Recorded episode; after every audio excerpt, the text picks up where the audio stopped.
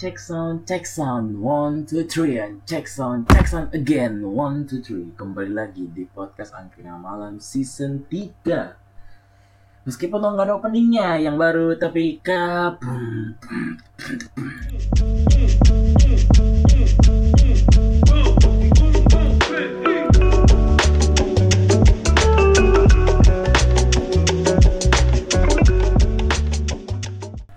Oke, gimana kabar kalian semua? Semoga baik aja yang lagi menikmati masa UTS ya. Udah mau lebaran malah malah UTS. Ya sama sih kayak gue juga gitu. Sama aja. ya, terus semangat ya kawan-kawan karena masih panjang dan Anda semua di selamat dinikmati dan lihat kadarnya yang dengerin podcast sembari itikaf di masjid. Anda Edwin rumah ibadah, kubel malah dengerin podcast saja tapi kalau misalkan dengan apa namanya eh, dengan sepenuh hati ya gue seneng banget gitu silakan gitu gue seneng banget. Bahkan misalnya di share harus tuh dibagiin dan seru itu dengerin ini episode wuh gila gue bangga banget gitu. Sangat senang gitu. Dan kalau misalnya dengerin ini sembari puasa eh soal sembari puasa benar sembari puasa ya jangan mokel dia jangan mokel harum ge sumpah oke jangan mokel.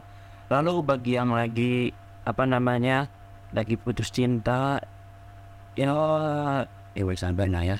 Hidup dia hidup ya kan kadang naik kadang turun gitu. Dan pasti pusing dibawa enjoy aja. Oke uh, kali ini gue sedikit mengangkat apa namanya uh, sebuah topik ya. Topiknya itu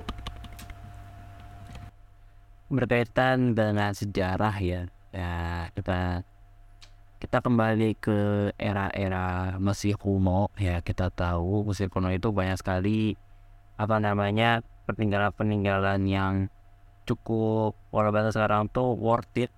Dan kalau misalkan lu pemburu harta mungkin lu kalau misalkan nemu ini harta lu bisa jual sampai miliaran miliaran atau triliunan gitu. Dan itu sangat worth it banget gitu. Nah Kali ini kita agak sedikit mencari korelasi kepada kehidupan kita. Kita tahu bahwa kehidupan kita tuh sudah sangat kompleks dari segi keuangan, segi apa namanya masalah hidup dan lain-lain gitu. Tapi palingan gue ngambil beberapa bidang aja yang bisa bisa dibuat korelasi kepada Mesir kuno gitu. Karena kalau misalkan gue sebutin secara keseluruhan, anjir gue mending buat dua apa buat beberapa episode aja sekalian gitu loh oke okay? kali ini gue ngangkat tentang apakah mitologi Mesir kuno itu memiliki hubungan dengan kehidupan kita saat ini oke okay? langsung aja ke pembahasannya berikut ini here we go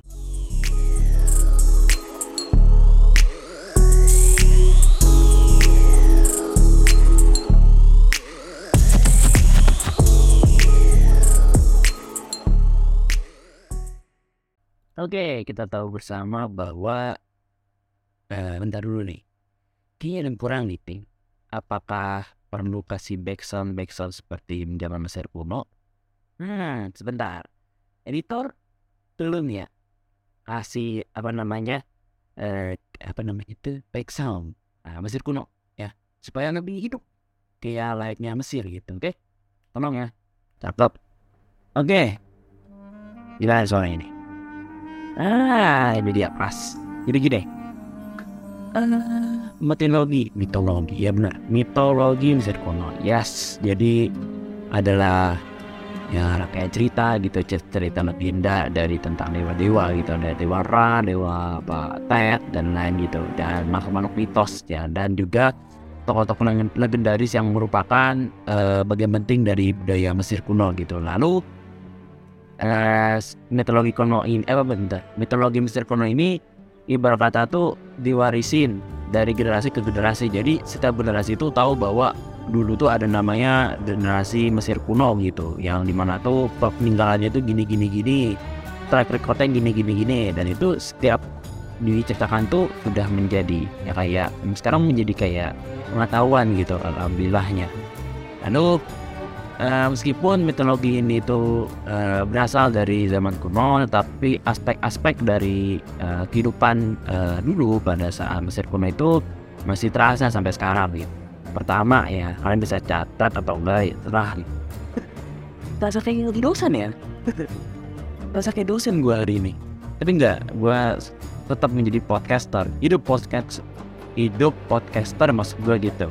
Hidup. Lanjut yang pertama adalah mitologi kuno memiliki hubungan dengan sejarah dan pengetahuan dan kita tahu bersama bahwa uh, kebudayaan dari Mesir kuno ini sangat memberikan kita gambaran-gambaran tentang cara hidup, kepercayaan, dan pengetahuan masyarakat di Mesir kuno. Lalu mitologi ke mitologi sih benar. Mitologi ini tuh sangat menceritakan kayak dewa-dewa. Lalu ada peran pentingnya dalam kehidupan sehari-hari seperti kayak salah satu contoh uh, Dewi Isis. Kok Dewi Isis sih? Nah yang teror lagi Dewi Isis yang paruh kayak apa ahli ahal gitu. Yang biasanya gitu kan yang ngomong gitu padahal mah menyalahin apa uh, apa menyalahkan arti dari ahadun ahad gitu. Jadi gitu sih. Ya pertama ada namanya dewa uh, gue sebut saya dewa dewa ISIS ya. Karena kalau misalnya ngomong dewa ISIS tar dikiranya dewanya si para ISIS lagi ya bahaya gitu ya. Di ya dewa ISIS sih merupakan salah satu dewa syukuran gitu lalu ada dewa urus yang merupakan dewa kekuatan, Ra, dewa matahari dan banyak masih banyak lagi itu dewa-dewa gitu, dewa-dewa maksudnya. Lalu uh, dalam cerita ini kita banyak belajar kita kita semua tuh ya para pendengar dan gue sendiri itu kita diajarin kalau orang-orang dulu itu percaya bahwa kalau misalkan kita dewa kekuatan bagi kita harus seperti Horus kalau misalkan kita uh, subur nih secara uh, apa janin atau uh, apa namanya uh, pertanian itu tuh subur kan. Itu bisa kita kaitan bahwa itu dibantu oleh dewa ISIS gitu. Selain belajar tentang kepercayaan dari tentang tradisi. Karena tradisi-tradisi orang-orang Mesir kuno itu sangat apa ya sama kaya akan uh, tradisi dan uh, keilmuan-keilmuan tentang kebudayaan itu lalu diajarin apa di Quran diajarin sih uh, lebih tepatnya belajar tentang adat istiadat yang dipraktikkan oleh eh, dipraktikkan benar dipraktikkan dipraktikkan sih bahasanya ya. Ntar gini aja deh. Yang dipraktekkan oleh masyarakat Mesir kuno seperti itu. Lalu selain itu uh, Mesir kuno ini itu uh, memiliki pengaruh yang kuat gitu dalam uh, budayaan saat ini gitu. Ya, kita dapat melihat uh, referensi mitologinya ini tuh di dalam film Hollywood film lama The Mummy mau yang Tomb Raider mau yang mana pun serah gitu atau kalau Tomb Raider mah Cina ya. Ya maksudnya yang The Mummy satu dua lah.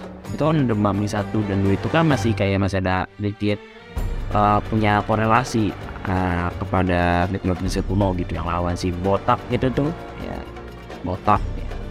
ada mengganggu sih menurut gue ya apa jadi ya bisa dalam Mummy atau dari dia video game itu layaknya ya mungkin kalian para gamers tahu namanya Assassin's Creed Origin.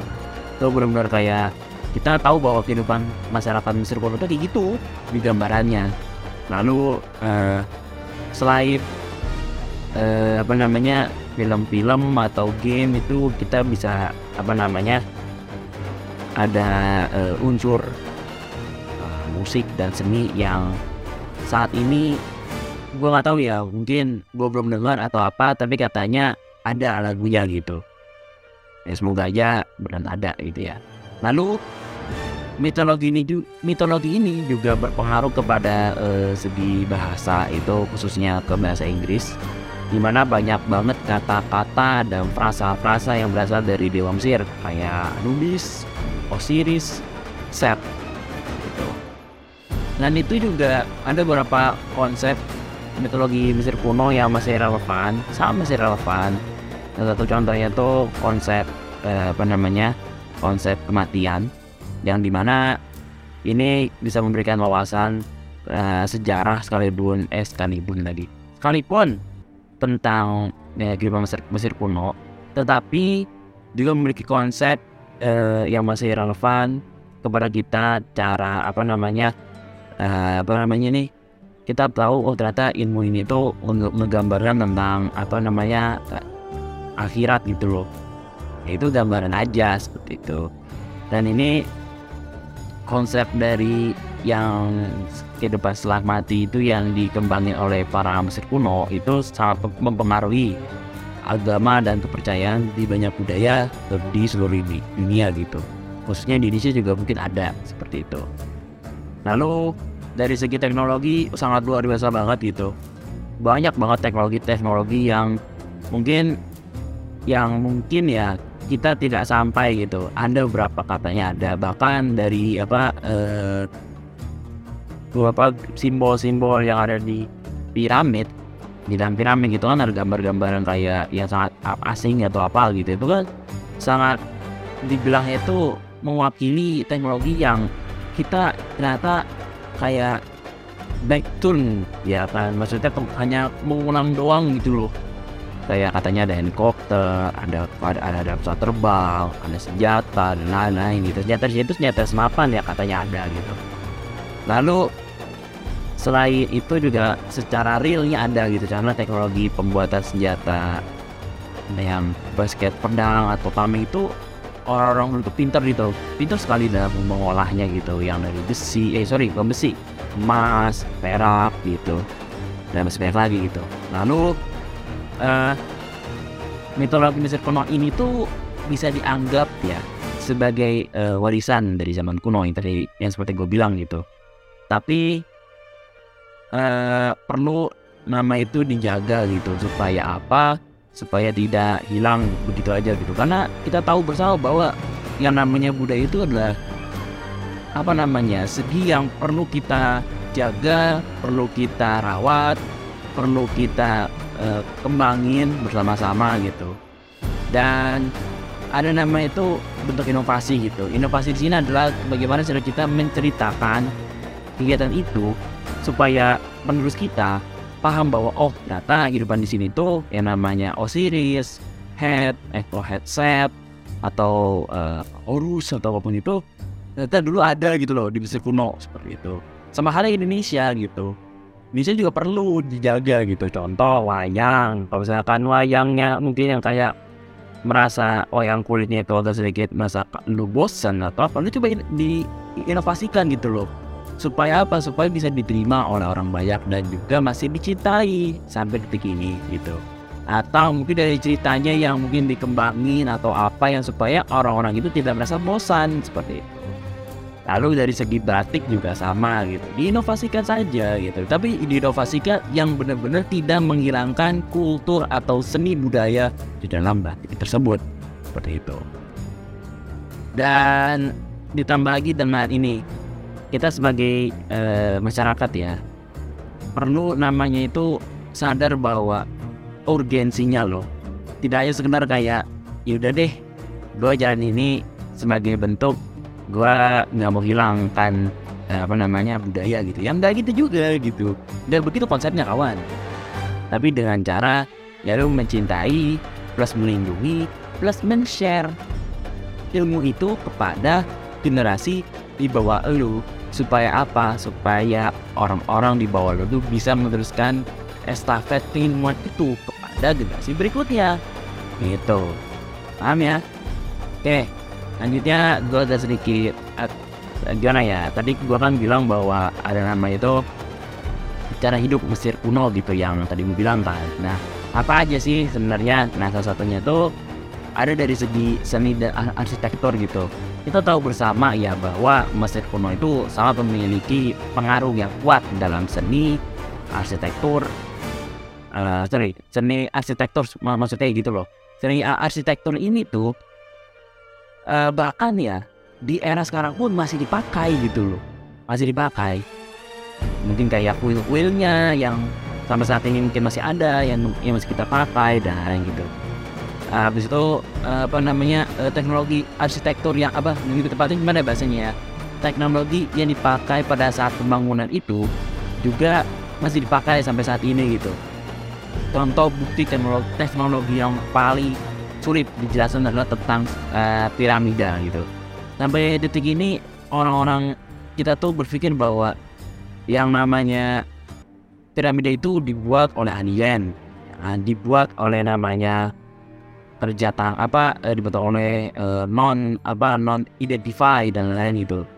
Pada tapi padahal ya gue baca di uh, gak baca sih gue nonton di salah satu TV net. Ya sorry kan nama itu History TV di salah satu acaranya itu ada ngebahas tentang teknologi apa sih yang digunain oleh uh, apa, apa yang ini baru katanya ya katanya itu dibuat dengan teknologi yang dibuat oleh pemikir pada saat itu. Itu apa? Pengairan gitu. Kenapa sih dibilang pengairan jadi begini? Kita tahu bersama bahwa dulu kan Mesir Kuno kan terdeng apa terlihat itu sangat subur gitu. Dari segi apa eh, pertanian habis itu sistem perairannya juga. Nah makanya itu digunainlah perairan itu sebagai bentuk cara supaya si apa namanya si apa namanya nih si uh, bahan-bahan untuk pembuatan piramida itu lebih cepat gitu loh. Ada yang katanya pakai ten, apa tenaga uh, apa mesin bukan, bukan mesin sih kayak tenaga tetap pakai gunain manusia. Cuman uh, bentuknya itu kayak apa namanya ya? Tahu itu nggak sih kayak lingkaran dari hamster gitu. Ayo gitu tuh. Jadi tenaganya itu sebagai bentuk kita menarik gitu loh menarik bapak barang nggak barang sih benar barang-barang berat ya kan? Lalu gimana cara bisa ngangkat ke atas itu? Itu dibuat namanya tuh kayak kerek gitu loh. Kereknya itu tuh dibuat oleh orang sana juga gitu. Jadi keilmuan tentang kerek kerek itu apa ya? Kayak penait atau kayak apa namanya yang mengangkat barang berat ke atas tuh. Dulu kan itu dalam area sekarang tuh kayak modal. Ada mesin-mesinnya loh. Nanti kita hanya modal ngatur di atas doang. Tapi dulu itu benar kayak step benar-benar secara manual gitu. Perhitungan ngambilnya habis itu bagaimana cara ngangkatnya itu butuh berapa power dan itu begitu banget gitu. Seperti itu. Itu contoh uh, teknologi di bidang seni arsitektur gitu. Lalu ini masih dalam konteks seni dan ar arsitektur ya jadi kayak ini gue bilang tuh Sphinx, piramida dan kuil-kuil dan monumen-monumen di sana itu masih sampai saat ini itu masih ada loh. Sehingga menjadi uh, sebuah daya tarik yang populer bahkan menjadi wisata uh, spesial gitu misalkan main ke Mesir gitu. Dan juga uh, dari segi seni rupanya kayak patung atau lukisan relief-relief yang ada di apa tembok-tembok piramida dan di monumen apa di, di monumen-monumen itu juga masih tetap dipertahankan dan juga masih uh, digunakan sebagai uh, apa namanya tujuan uh, ritual dari banyak kuil yang di daerah situ loh. Seperti itu. Jadi bisa dikatakan emang Mesir ini lebih tepatnya Mesir kuno ya masih banget apa ya masih banget lah perlu di dijaga terus loh supaya tidak hilang. Karena kalau misalnya hilang nanti itu space bisa bisa ntar nggak punya kepala lagi ntar ya kan? Ya gitu. Lanjut. Di depan sehari-hari gitu. Jadi kita tahu bersama bahwa eh, apa namanya kehidupan sehari-hari Mesir kuno itu sebuah apa namanya ya kayak layaknya cerita-cerita yang di Nabi gitu loh yang ya ini mana ya hidupnya apa eh, apa namanya sih? Lupa tuh aduh. Efek pagi hari nih. Efek pagi hari recordnya uh, ingin rukun, habis itu berdagang, berdagang, lalu kapan santun, saling menyapa, apa silaturahmi itu menjadi hal yang normal gitu. Bahkan orang untuk untuk dunia para gamer begitu tuh udah kayak hal yang normal. Tapi kalau misalkan dari ambil dari aspek kesenian atau ke arah ke sosial gitu, itu ada kajiannya tersendiri loh terhadap uh, apa uh, apa point of view terhadap uh, permasalahan tersebut. Maksudnya eh bukan bukan ini bukan permasalahan tapi ke arah sud, apa ya cara pandang kita aja seperti itu. Lalu tidak hanya sekedar kayak apa selain uh, tradisi yang tadi yang kayak hidup rukun dan lain itu ada ada juga ada kayak tradisi pemakaian kayak kayak ini kata tuh bahasa kita tuh fashionnya lah. Dulu fashionnya tuh ada gitu kayak contoh. Fashion itu kayak atas tuh berbulu binatang bawahnya tuh jubah bludru atau atas itu kain polos atau enggak apa atau enggak apa atau kayak bentuk kayak buntelan-buntelan atau apa. Gitu ini yang mungkin fashionnya orang Mesir itu dari zaman zaman uh, raja apa ke raja apa ke raja apa tuh punya fashionnya tersendiri loh mungkin. Dan gue sampai sekarang tuh masih belum nemu kajiannya jadi kalau misalkan kalian nih para pendengar dari Andrina Malam atau eh, para noiser atau para pogos pogos atau mana pun jika punya eh, kajian terhadap passion eh, Mesir kuno tolong eh, mention gue di IG gue supaya gue bisa lanjutin gitu. Tapi next su- supaya apa kenapa fashion itu atasnya contoh atasnya tuh berbulu binatang bawahnya itu juga berludru supaya lagi bentuk eh, orang tuh berkata itu sebagai menghormati eh, kepercayaan dari para dewa-dewanya loh. Kan katanya dewa Horus tuh sukanya itu yang katanya berbulu atau apa atau dari Osiris sukanya tuh yang bersisik atau apa gitu. Ya macam-macam lah. Lalu dari si ag- agama gua agak skip ya. Tapi secara garis besarnya adalah ya agama Mesir kuno tuh memiliki pengaruh besar terhadap masyarakat di sana terutama bentuknya spiritu, apa spirula, spiritualitas dan praktik-praktik mistik. Jadi ya percaya masih yang goib-goib atau kayak ya, santet-santet tuh kayaknya masih ada di zaman itu loh. Lanjut obat-obatan. Nah di obat-obatan ini eh, ada manuskrip eh, manuskrip kedokteran kuno yang katanya Mesir itu sudah menggunakan pengobatan-pengobatan tradisional eh, yang dari herbal gitu. Nah, eh, beberapa tanaman dan rempah-rempah yang digunakan pada saat itu atau pada zaman kuno itu dapat dipercaya bisa memiliki banyak manfaat kesehatan gitu. Tapi yang menjadi pertanyaan penting, kenapa nggak digunain di, di- di zaman sekarang? Apa karena takut bisnisnya hilang? Atau takut bersaing? Atau apa? Tapi secara eh, pembahasan secara saintifik mengatakan bahwa pengobatan yang herbal katanya itu lama. Tapi emang fakta di lapangan emang bener. Tapi secara harusnya murah. Harusnya murah. Tapi dikarenakan penggabungan herbal satu herbal lainnya menjadi blok gitu kan? Itu menjadi mahal. Katanya gitu. Katanya ada gua bukan dari apa bukan dari sudut pandang eh, gua bukan seorang eh, apa eh, apoteker. Tapi gue sebagai anak ekonomi juga merasakan bahwa emang apa pengobatan yang apa herbal dengan yang itu malah yang mahal tuh yang herbal gitu daripada yang ini. Dan gue pikir bahwa takutnya pada saat yang mahal itu herbal yang yang itu tuh murah takutnya ini tuh malah jadi racun gitu. Nah ya kan? Nah ini menjadi akan menjadi eh, pembahasan besar lagi nanti ntar. Tapi next dulu aja mending gue buat jadi pembahasan yang lain gitu. Nah meskipun eh, eh, seluruhnya ada beberapa aspek-aspek yang sebenarnya pengen gua kaji gitu loh dengan teman-teman gitu loh. Tapi adanya eh, ya ya lu tahu sendiri lah literasinya tuh kadang harus sesuai dengan apa ya fakta on the fact gitu loh. Kalau misalkan masih kayak ragu-ragu atau apa atau kayak dari anu si anu si anu gitu ya gua agak sedikit gimana gitu. Tapi kalau misalkan anu tapi fakta itu real oke gitu. Jadi ya seperti itu. Nah, gue lanjut lagi. Jadi beberapa aspek budaya dan kehidupan Mesir kuno masih bisa kita temui nih teman-teman dan juga masih bisa kita temukan di praktek di hari masyarakat eh, Mesir saat ini. Maksudnya Mesir saat ini tuh katanya tuh masih ter apa ya terrefleksikan kepada Mesir kuno seperti itu. Nah, aspek-aspek ini menunjukkan adanya kesinambungan budaya dan tradisi. Meskipun di dunia modern seperti yang sekarang, ya kan, eh, pemakaian dan pelestarian aspek budaya ini eh, supaya eh, maju atau supaya bisa diingat diingat terus maka dari generasinya itu tersendiri harus lebih yang tadi gue bilang di awal gitu loh har- harus bisa lebih menjaga harus bisa lebih meng- memberikan inovasi memberikan apa namanya pelayanan-pelayanan yang supaya itu eh, kebudayaan atau warisan budaya ini itu jangan sampai hilang loh. Seperti itu. Dan itu akan menjadi eh, identitas kuat dari sebuah negara Mesir seperti itu yang akan terkenal bahwa Mesir apa sih yang terkenal? Budayanya sejarahnya. Seperti itu. Nah mungkin segitu aja eh, pembahasan kali ini.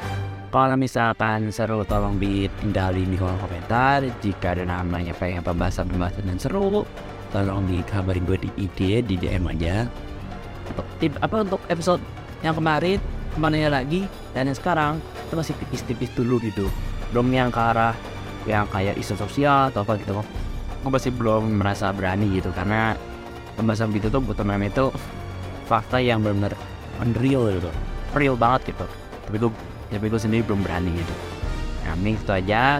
Thank you karena sudah mendengarkan episode. Semoga senang semoga bisa membantu kalian dalam memahami uh, sejarah dari Mesir secara uh, sebisanya gua sepunya gua sampai jumpa lagi di episode-episode berikutnya dari Angkin Ngamalan season 3 Kabum Bum bum bum bum. Thank you semua. Sampai jumpa lagi. Jangan lupa di follow. Follow eh follow